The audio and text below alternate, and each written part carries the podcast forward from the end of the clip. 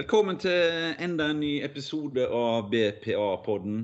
Og i dag har vi, jeg vil si, jeg vil kalle det en celeber gjest. Du, må, du skal veldig få lov til å introdusere deg, eh, deg sjøl med ditt fulle navn og rykte.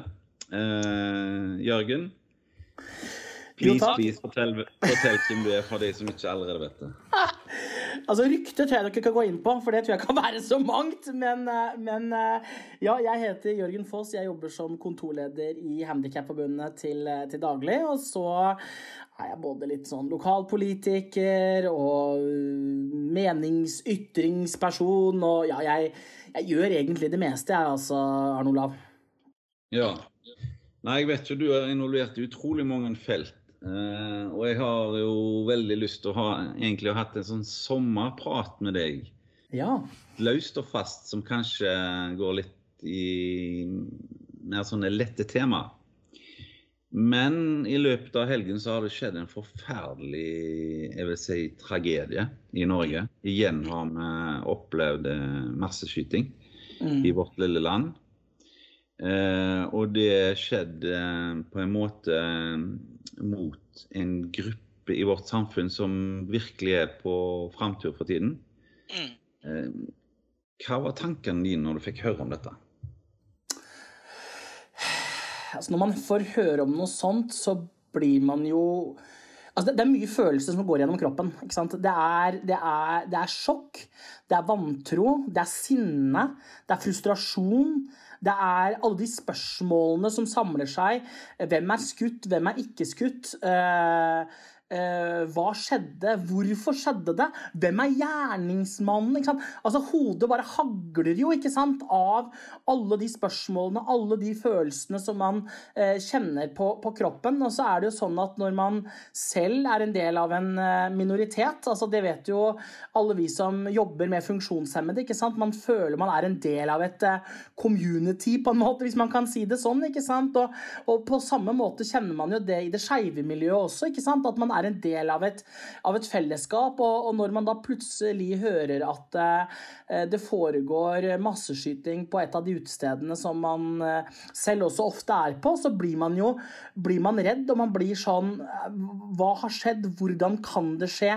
Eh, og jeg husker sånn i starten Hvorfor skjer dette nå? Altså, hva, hva, hva Hallo? Det er jo bare dette her dette, dette kan jo ikke skje i lille, vakre Norge, som vi er så glad i, hvor vi setter likestillinga høyt, hvor vi liksom eh, er så glad i hverandre Altså, hva skal jeg si uh, Disse her eh, Altså, det, blir så Kontrastene blir så ekstremt store, da. Mm. Jeg er jo helt enig med deg. Altså, det er jo bare en liten uke siden vi fikk gladnyheten om at det var en endring i, i lovverket vedrørende dette med å å drive sånn kurbehandling på skeive. Mm, mm, ja. Jeg vet ikke om jeg bruker det rette begrepet her, men dette burde jo vært forbudt for lenge siden. Altså, det blir på en måte som å, å, at du skal eh, bli utsatt for en rehabilitering som ikke lar seg rehabilitere.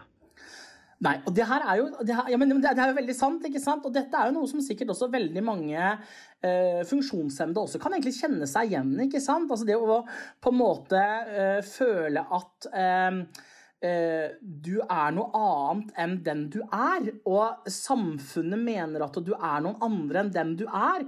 Eh, og, og, og, i tillegg til det så skal du også eh, blir, blir, behandlet for noe som ikke er en sykdom. Altså, I i Handikapforbundet sier vi ofte sånn altså, Du er jo ikke syk selv om du har en funksjonsnedsettelse. ikke sant? Altså, eh, og akkurat på samme måte ikke sant? Så, så, er du ikke syk selv om du eh, er, eh, er skeiv. Eh, og, og gudskjelov så har vi jo klart å, å fått endret den loven for, for, uh, for, altså Det er jo 50 år siden i år uh, sex mellom menn ble fjernet fra, fra straffe, straffeloven.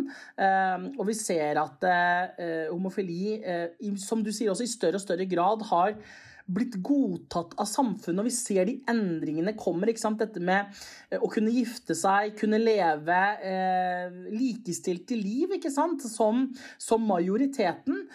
Og så bare i løpet av noen veldig, veldig få minutter eh, natt til eh, fredag, eh, så blir på en måte alt snudd opp ned på hodet idet da en mann kommer, tar frem våpen og med bevisst handling skyter for å drepe mennesker fordi de er den de er.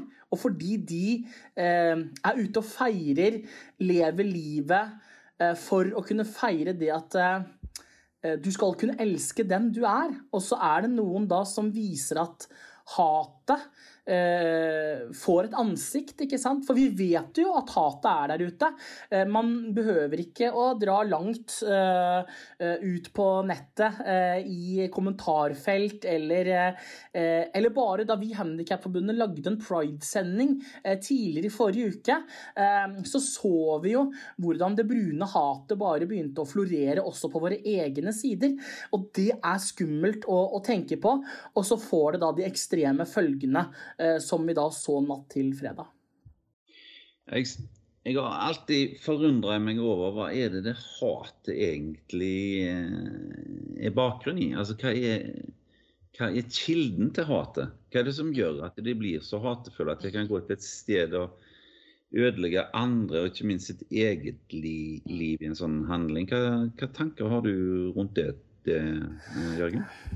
Jeg tror det er veldig ulikt. Eh, jeg har jo selv eh, Altså, jeg jo, har jo selv vært del av en annen bevegelse, eh, altså sosialdemokratiet, som også ble utsatt for, for en terrorhandling eh, i forbindelse med Utøya eh, og massakren der. Da så man det hatet som det høyreekstreme hatet da, som, som fantes i, i, i, terroristen den gangen. Nå ser vi hatet like sterkt, bare mot en annen gruppe. Jeg tror vel at det handler mye om kunnskapsmangel. Det handler mye om eh, redsel. Eh, redsel for det ukjente. Eh, det du ikke vet. Eh, eh, og så er, så, så, også er det ting vi fortsatt ikke vet. Vi vet jo ikke hvordan psykiatrien har spilt inn her. Det er mye vi ikke vet rundt den handlingen som, som har, har foregått. Men at hatet er blant oss, og at hatet finnes, og vi også på en måte lar hatet få lov til å yngle og gro. Og det er det jeg er liksom veldig opptatt av at uh, hver dag så må vi så, så, så, kan vi ikke lukke øynene for hatet. Og, og, det er sånn, Om det er på Facebook, om det er i sosiale medier, om det er på bussen eller på arbeidsplassen altså eh, Hver dag så er jeg helt sikker på at vi fanger opp noen form for hatefulle ytringer. Og da kan vi ikke lukke øynene for det. Vi må ta til motmæle, vi må si ifra. Eh, vi kan ikke godta det, for uten det så går rett og slett ikke likestillinga fremover. Ja, jeg, jeg, er helt enig med deg i det. Det, det er jo gjerne sånn at denne, I denne tilfellet her så er det jo en eh, gjerningsmann som kommer selv fra en minoritet. Så det er jo litt spesielt at de ikke klarer å se Eh, kanskje sin egen den diskrimineringen kanskje han er blitt utsatt for overfor den på en, en, ny gruppe. Så det er for meg litt uforståelig at, uh, at slike ting skjer. Så er det en gang slik at vi nordmenn gjerne tenker at vi ligger fremst i verden på mange områder. Jeg har lyst til å dele en historie med deg når jeg reiste for første gang til USA. Det var i 1995. Og da endte jeg opp i San Francisco. Uh, og det var første gang i mitt liv jeg eh, fikk se uh, ja, folk av samme kjønn som viste sin kjærlighet. Og det mm. syns jeg var, det var helt uh, unikt. Helt fantastisk. Å se at de hadde den tryggheten i sin hverdag med å være seg sjøl. Mm. Og i 1995 så var jo ikke vi i Norge i nærheten av at uh, slike ting kan skje uten at det er med, med fare for seg sjøl. Mm. Så, hva tenker du om rundt det, Jørgen? At, um, hvor langt har vi igjen i Norge før uh, vi kan oppleve sånn som så kanskje andre deler av verden tar som en selvfølge i dag? Mm. Uh, jeg er redd for at vi har langt igjen å gå i likestillingens navn. Og da tenker jeg på minoriteter generelt. Eh, fordi at eh, selv om vi som du sier, liker å slå oss på brystet eh, og si at eh, vi er liksom fremst i kvinnekampen, vi er fremst i skeives kamp, ikke sant Altså eh, Sorry, vet du hva. Vi har en lang vei å gå eh, for å kunne snakke om full likestilling for alle mennesker. Og, og, jeg får jo lyst til å også dra en parallell til kampen vi jobber eh, for i fellesskap i forhold til funksjonshemmede også. Det er en veldig lang vei å gå for å få samfunnet med på eh, og eh, faktisk gi reell likestilling eh, til alle mennesker. For det er Altså, det mangler jo ikke på fyndord. Det mangler jo ikke på å slå seg på brystet. Det er jo ikke mangel på å si at eh, vi er best i verden når det kommer til, til, til likestilling. Men realiteten er jo at det fortsatt er en veldig, veldig lang vei å gå uh, før vi faktisk har reell likestilling. Og da tenker jeg på veldig, veldig mange ulike minoritetsgrupper. Ja. Det er et område i samfunnet vi ser det tydeligst, vil jeg si. Det er vel arbeidslivet. Mm.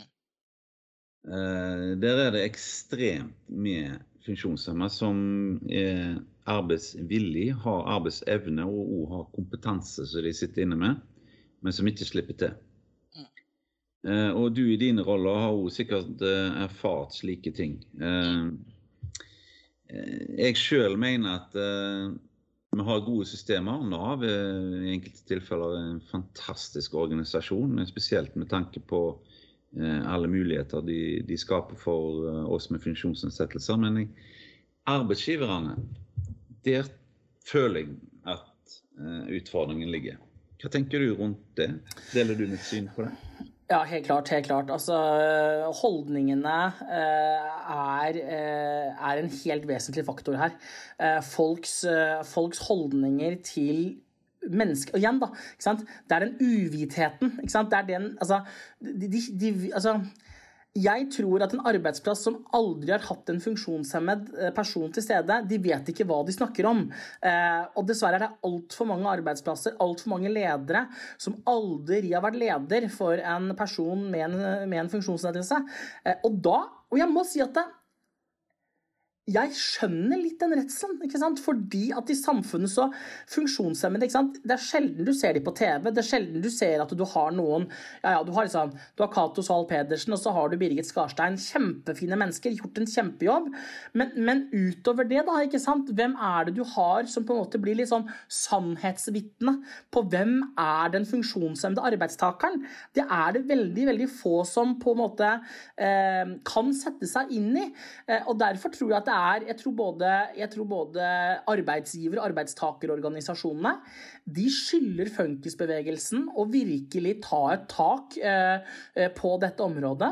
Så må vi som organisasjoner, og ikke minst bedrifter som eh, har eh, ansatte med funksjonsnedsettelser, må fortelle utad hva det faktisk handler om. Altså, jeg har jo selv vært leder nå i mange år med ansatte med funksjonsnedsettelser. Jeg er et sannhetsvitne på hvor eh, hvor, hvor, viktig det er for arbeidsplassen.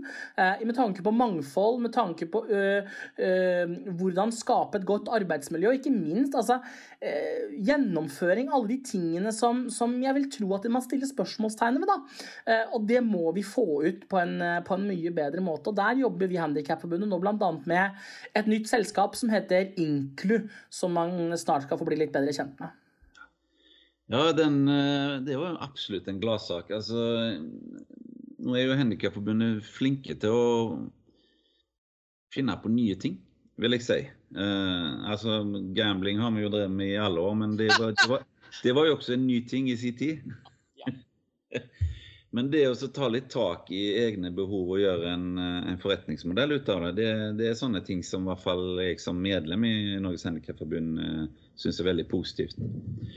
Ehm, hva tenker du rundt eh, etableringen av dette selskapet? Hva, hva kan vi få ut av det, tenker du? Jeg tror at Inclu kommer på markedet i grevens tid. Eh, kommer på et tidspunkt eh, hvor eh, det kommer til å bli mye mer fokus på, på inkludering i arbeidslivet. Hvor store bedrifter ikke lenger kan slå seg på brystet og snakke om, men faktisk må drive reell inkludering i arbeidslivet. og da tror jeg at Inclu kommer til å være en helt vesentlig vesentlig premissleverandør. Eh, og så er vi jo bare helt i startfasen. Eh, nylig ansatt daglig leder. Eh, og det starter nå, og jeg har trua på at dette kommer til å være noe som som eh, arbeidsgivere eh, kommer til å både måtte trenge, fordi de selv har på en måte lent seg tilbake eh, og ikke tatt den jobben. Men nå kommer vi med en, med en pakke som jeg tror er helt vesentlig for veldig mange arbeidsgivere. Et sånt firma har jo egentlig to, jeg vil si, to tilbydere. Altså Det ene er jo arbeidsgiverne som er helt innlysende. De må du ha på plass for at det skal skje en handshake. Men på andre sida så er det jo et svært eh, mobiliseringsbehov, da. Eh, og hvis det er noen som hører på og føles, føler kallet, så er det jo da å få registrert seg. Sånn at du er i basen. Det er kjempeviktig. og det, det, Den prosessen skal man jo i gang med nå. Å få bygd opp denne basen av uh, kandidater. Uh, og det blir kjempeviktig nå i tiden, i tiden um, fremover. Fordi det må jeg også si, da, at som en som har lyst ut mange stillinger, så har jeg også skal jeg helt ærlig stilt spørsmål men, men hvor er disse funksjonshemmede? Vi vet at, ja, men liksom, nå er jeg helt ærlig, nå er jeg helt ærlig Vi sier liksom at 100 000 står utenfor arbeidslivet. Og jeg har lyst ut mange stillinger i mitt liv, og mange ganger har jeg ikke fått en eneste, eneste person med funksjonsnedsettelse på søkelista. så jeg tenker men så søker de ikke handikap. Og så er det helt klart mange ting som, øh, som eh, jeg har lært underveis, bl.a. dette med øh, f.eks. Du får mange flere hvis du ikke lyser ut en 100 stilling. Si at du lyser ut to 50 stillinger eller en 80% stilling, så er det mye større sjanse. Og det er jo enkle grep som man kan gjøre for, eksempel, da, for, å, for å få flere til å søke, rett og slett. Da. Jeg har jo min egen teori om det, Jørgen. Få høre. Ja. For jeg har jo opplevd dette litt, eh, litt på kroppen sjøl, jeg må jo absolutt si det. Eh, jeg tok jo høyere utdannelse og har hatt en, en bra jobb f.eks. når jeg jobba i London. Så var det en helt, helt fantastisk opplevelse. Når jeg kom til Norge, så slet jeg veldig. Fikk, fikk et jobb. Og det er litt sånn at du blir litt banka av systemet. Altså, det ene er at du er jo avhengig av en inntekt. Mm. Eh, og når du har gått eh, og søkt x antall jobber og vært på arbeidsavklaring og kreti og pleti og, og, kursing og you name it. Og til slutt så, så møter du veggen. Eh, og da går du inn i denne her eh, Nav-løsningen eh, type uførepensjon. Og da på mange måter er du ute av markedet. Da leter du ikke heller lenger. Eh, og det er nesten sånn at du må vekkes på nytt. Du må ristes litt i. Og det, det skjedde faktisk med meg når jeg eh, havna i MIO. Det var uh, tanta mi som uh, rista litt i meg. Ja. Og så sa hun rett og slett denne, denne søknaden må du se. Mm. Uh, og det tror jeg veldig mange må. Vi må ha litt sånn Jeg, jeg tror vi må ha en uh, vekkelsesmøter. For å få uh, folk på banen igjen. Det er veldig sant. Jeg må si, jeg, jeg har jo liksom en litt lignende historie med Vi har jo samarbeida flere år med Scandic-kjeden. Eh, og Stefanos, eh, som, eh, som jobber der, han, også, han hadde søkt altså utallige stillinger. Denne saken ligger ute forresten på Handikapnytt, så dere kan bare gå og titte der. Den er veldig sterk. og og han hadde gitt opp. Han hadde virkelig gitt opp. Han hadde flykta fra, fra krig og elendighet, kommer til Norge. Eh, er vel polioskadd, eh, mener jeg å, å huske. Eh, søkt utallige jobber, ikke fått noen jobber. Så ser han denne at Handikapforbundet har et prosjekt med, med, med Scandic. og så er det datteren hans som sier at pappa, vær så snill, du må bare prøve. Dette kan være den sjansen som vi liksom har, har, har sett etter. Eh, og så kommer han dit på Fornebu den dagen, har på seg den mest strykte dressen jeg noen gang har sett i hele mitt liv. Eh, han har med CV-er og alt på innerlomma, ikke sant? Er så klar. Eh, og så kommer han dit, og det viser seg jo at altså men han har jo aldri blitt innkalt på intervju, ikke sant? Altså, fordi, altså, bare, bare, der stopper det. Jeg tenkt, han har et navn som ikke er norsk. Én. To, han har oppgitt at han har en funksjonsnedsettelse. Altså, det er jeg lik glem det, ikke sant? Eh, og så kommer man dit, og så ser man hvilken ressurs han er. Eh, og han jobber jo i dag, det er vel tredje året nå, han jobber da på, på Scandic Fornebu. Eh, 100 stilling i, i konferanseavdelingen. Eh, og som de sier der, og hotellsjefen der har kommet til oss og sagt etterpå, de takker oss ikke sant? De takker oss for at, eh, vi ble at de ble introdusert for Stefanos. For han har gjort noe med hele arbeidsplassen. ikke sant? Hvordan folk tenker. Eh, han sier dette er positivt for de ansatte, for kundene, eh, og selvfølgelig for Stefanos selv. Og det er liksom bare en, det er et kinderegg med vinn, vinn, vinn, vinn, vinn. Eh, eh og som han sier, det, altså arbeidsmoralen har aldri vært sterkere etter at eh, Stefanos kom, som liksom aldri gir seg.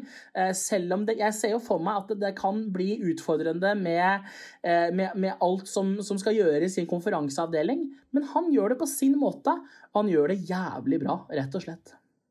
Ja, det du snakker om nå, er jo det at mangfold styrker en bedrift. Ja, ja. Og, og, og når de oppdager det, så hvorfor gjorde vi ikke dette før? Og Det gjelder jo alle minoriteter i Norge, tenker jeg. at eh, Det å tenke mangfold er noe som kan faktisk styrke din konkurranseevne som, uh, som bedrift. Det kan det, og det, det, det ser vi jo der. Mm. Ja, men Dette var en veldig uh, hyggelig prat, Jørgen.